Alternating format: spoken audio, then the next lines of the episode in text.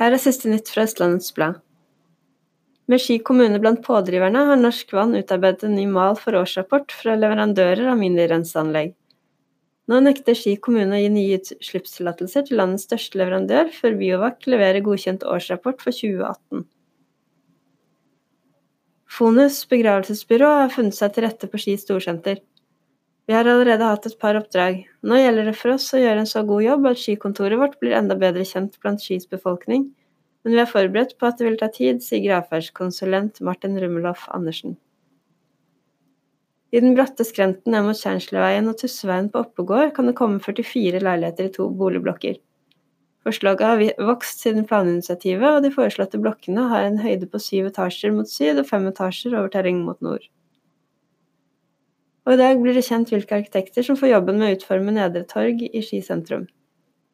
Siste nytt fikk du av Birgitte Henriksen.